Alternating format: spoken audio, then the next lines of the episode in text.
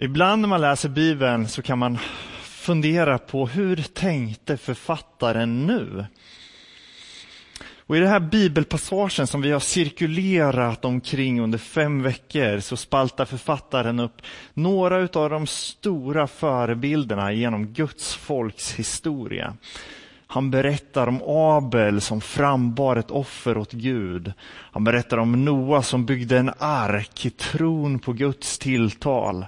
Abraham som lämnade sitt hemland och sin släkt.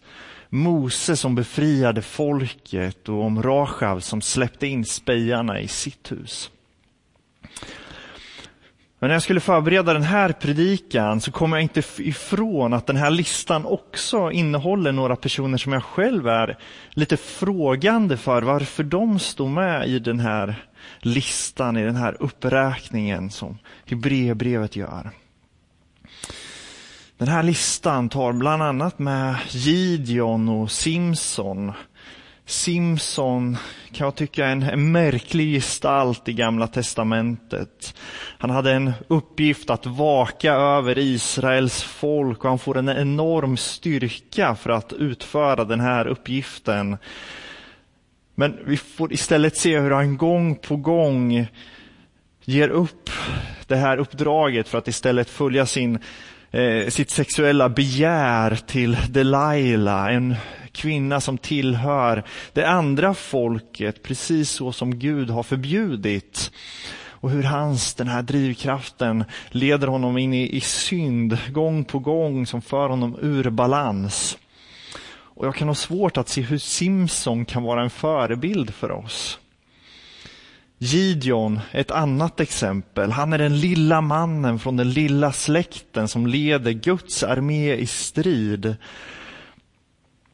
Och de får strida på ett sätt där folket verkligen får gå i tro på att Gud leder dem och de segrar. Men när vi fortsätter läsa så ser vi att Gideon använder det guld som de får när de plundrar folket, det andra folket, till att bygga en avgudabild. Och så står det i Domarboken 8 och 27. Av allt detta gjorde Gideon en efod och ställde upp den i sin stad Offra. Hela Israel ägnade den sin trolösa avgudadyrkan och den fick Gideon och hans hus på fall. Hur tänkte Hebreerbrevets författare när de räknar upp människor som så tydligt lever i synd? I sin lista för de största förebilderna för ett liv i tro. Kyrkan har under alla århundraden skakats av att människor gjort fel. Att de har begått synder och levt på ett sätt som inte varit gott. Och de senaste åren så har framstående ledare i kyrkan avslöjats, inte minst kopplat till olika sexuella snedsteg. Under metoo-rörelsen under, för några år sedan så var det många, både i, internationellt och i Sverige, som, som avslöjades ha, ha agerat både i synd och ibland också brottsligt. Hur ska vi förstå det här? Det är ändå anmärkningsvärt att, att Simson helt tycks sakna omdöme och att Gideon trots sina framgångar ändå överlåter sig åt synd och upprättar en struktur för avgudadyrkan. Vi är omgivna av vittnen som gått före oss. Och ibland så tror jag att vi lockas att tänka att våra förebilder är perfekta. Vi reser upp höga ideal och så tror vi att våra förebilder lever upp till de här höga idealen. Men kanske är det så att vi ibland har idealiserat lite väl mycket och missar att ingen någonsin kommer vara perfekt som människa. Jag vet inte varför, om det kanske beror på vår önskan att någon ska lyckas eller varför vi idealiserar människor. Men ganska snart så inser vi att både Abraham och Mose också gjorde felsteg. Abraham låtsades att hans fru var en syster för att rädda sig själv. Och Mose trotsar Guds befallning och slår på klippan istället för att tala till den. Han lyder inte Guds tilltal och får därför inte gå in i det utlovade landet. När jag läser Hebreerbrevet så tror jag att en nyckel när vi pratar om de som har gått före är att påminna oss om att de var inte perfekta. Så här står det i Guds ord efter den långa uppräkningen i kapitel 11. Hebreerbrevet 12, 1 och 2. När vi nu är omgivna av en sådan sky av vittnen, låt oss då, även vi, befria oss från allt som tynger, all synd som ansätter oss och hålla ut i det lopp vi har framför oss. Låt oss ha blicken fäst vid Jesus, trons upphovsman och fullkomnare. När Hebreerbrevet lyfter fram de som har gått före så är inte slutsatsen ha blicken fäst på Mose, Abraham, Gideon och Simson. Istället säger Guds ord, låt oss ha blicken fäst vid Jesus, trons upphovsman och fullkomnare. Ingen annan är värd att ha som förebild. Ingen annan är perfekt. Jag tror att vi som kristna är omgivna av en sky av vittnen. Men det är inte perfekta vittnen.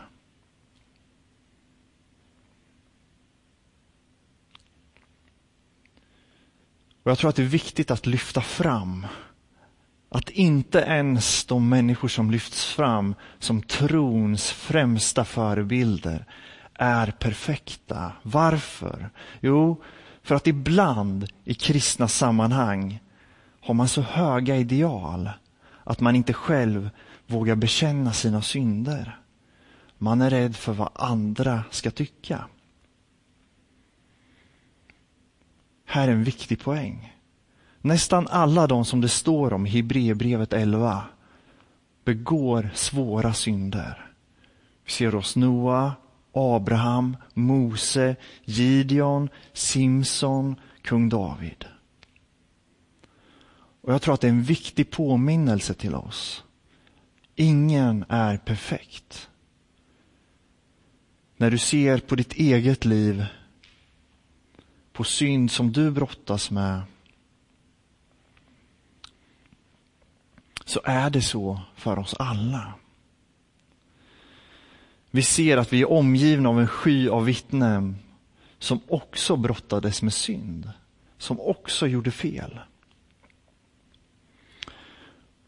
Och hos nästan alla som det står lite mer om i Bibeln så påpekas också deras fel och brister.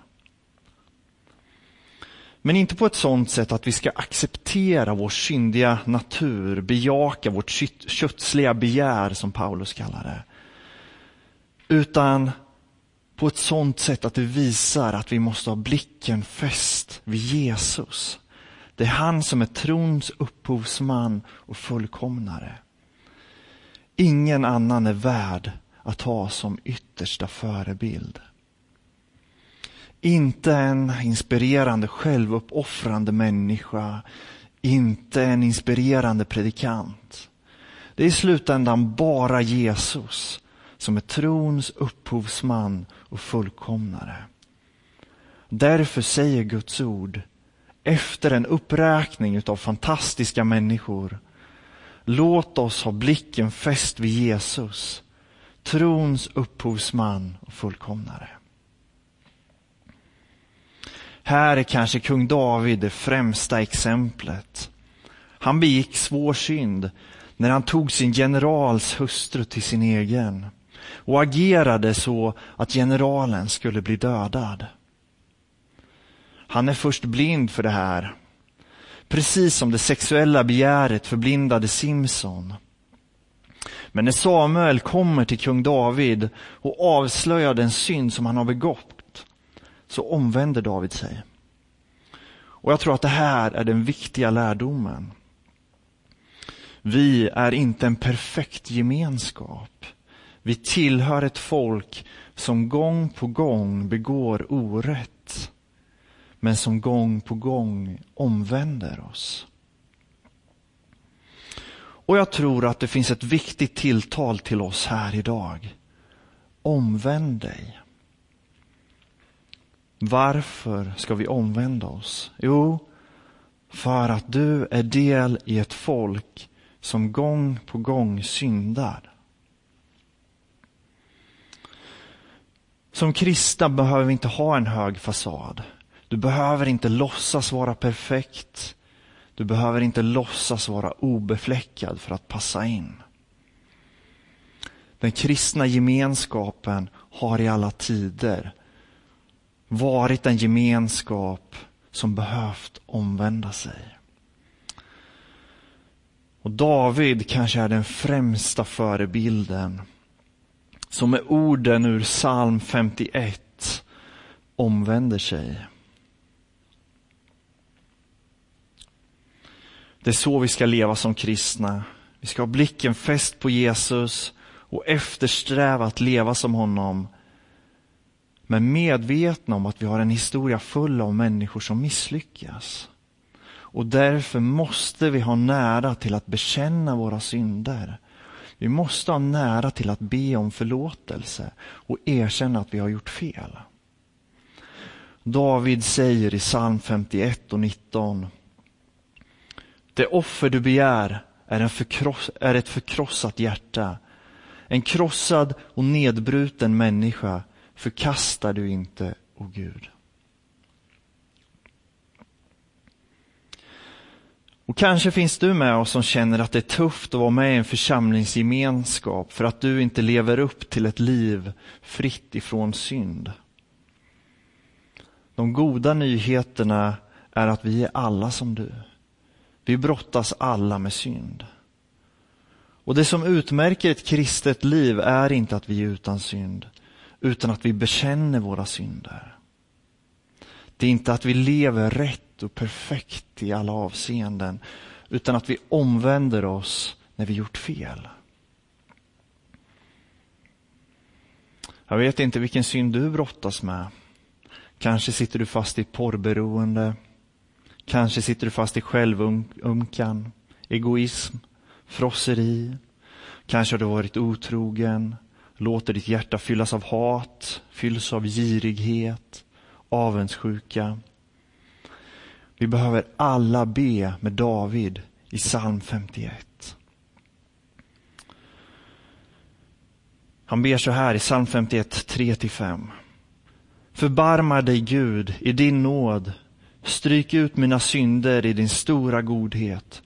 Gör mig fri från all min synd och rena mig från min synd.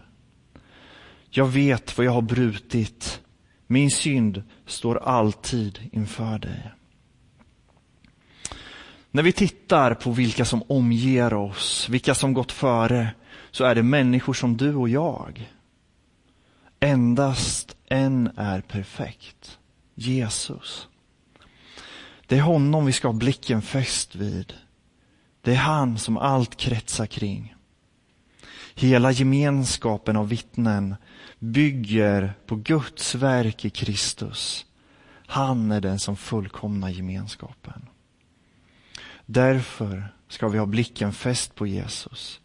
Vi får gå i hans fotspår, leva i hans gärningar och när vi misslyckas så får vi omvända oss.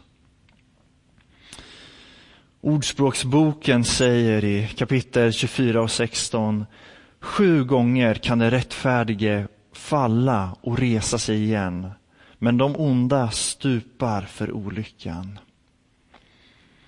Vi är inte rättfärdiga för att vi inte faller. Vi har vår rättfärdighet i att efter vi har fallit så omvänder vi oss. Vi reser oss på nytt och fortsätter vandra i Jesu fotspår. Kanske finns du med oss som upplever att du vill tillhöra en församling.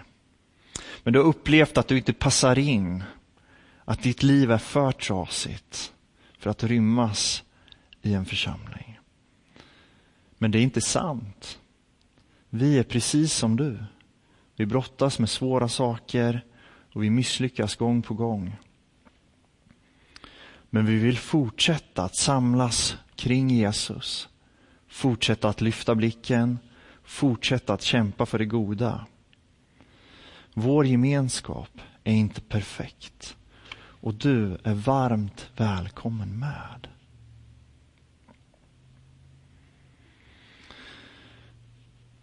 Jag tror att vi idag kan ha missat syndabekännelsen. Jag tror att vi ofta i våra sammanhang har, har gjort syndabekännelsen till någonting väldigt personligt. I alla tider så har kyrkan tillämpat bikt, att man får sätta ord på sin synd. Och kanske är det så att du har blivit påmind om någonting som du behöver be om förlåtelse för. Kanske behöver du sätta ord på synd som, som du brottas med. I så fall vill jag uppmuntra dig till att ta kontakt med någon som du har förtroende för. Kanske någon i församlingsledningen, kanske någon i Vi finns för dig-gruppen eller någon av oss pastorer. Så får du bekänna din synd verbalt och få ta emot Jesu förlåtelse uttalad över dig. Bikten är en praktik med stor kraft. Det finns någonting väldigt starkt i att sätta ord på sin synd och konkret ta emot Jesu förlåtelse. Och därför har kristna gjort det i alla tider. Vi är omgivna av en sky av vittnen. Så här står det i Hebreerbrevet 11.33. Genom sin tro kunde de besegra kungariken, utöva rättfärdighet och få lufterna uppfyllda. De kunde täppa till lejonens gap, släckande rasande eld och uppkomma och undkomma svärdets ägg. De var svaga men blev starka. De fick kraft i striden och jagade främmande härar på flykten. Kvinnor fick sina döda tillbaka uppståndna. Andra torterades till döds när de vägrade att låta sig befrias eftersom de ville nå en bättre uppståndelse. Andra fick känna på hån och prygel, ja också bojor och fängelse. De blev stenade, söndersågade, avrättade med svärd. De gick omkring i fårskinn och gethudar. De led brist, förföljdes och misshandlades. Världen förtjänade inte att hysa dem. De måste hålla till i ödemarker och bergstrakter, i grottor och jordhålor. Vi är omgivna av en sky av vittnen, men ingen är perfekt. Låt oss ha blicken fäst vid Jesus, trons upphovsman och fullkomnare. För att vinna den glädje som väntade honom uthärdade han korset utan att bry sig om skammen och sitter nu till höger om Guds tron. Tänk på honom som har uthärdat sådan fiendskap från syndare så att ni inte tröttnar och förlorar modet. Vi är omgivna av en sky av vittnen till Jesus. Bara han är trons upphovsman och fullkomnare. Det fläckfria namnet. Och det är om honom vi vittnar. Vi ber tillsammans. Tack Jesus för att du griper in i en sargad värld, Herre. Och tack Jesus för att du vill ha med oss vanliga människor att göra. Tack Jesus för att du genom historien har verkat genom vanliga enkla människor, Jesus. Och Jesus, jag ber här att vi ska få vara en, en gemenskap som, som får leva och ha nära till att be om förlåtelse när vi gör fel. Som har nära till att bekänna våra synder. För att vi vet att vi är del av en större gemenskap, inte av människor som har lyckats i allt, utan som också har brottats med svåra saker. Men som gång på gång har omvändit sig och, och kommit tillbaka till dig. Och, och bett dig att förlåta oss. Jesus, jag ber att det ska få utmärka din församling. Jag ber att människor som kommer i kontakt med, med vår församling ska få uppleva att ja, men här kan jag vara en del. Här får jag plats. Här finns utrymme för mig, inte för att jag är perfekt utan för att jag i mitt operfekta skick också får sträva efter att vara mer som Jesus och röra mig i hans fotspår. Jag ber Jesus att det ska få vara någonting som utmärker din församling i Brokyrkan. Jag ber om det i Jesu namn. Amen.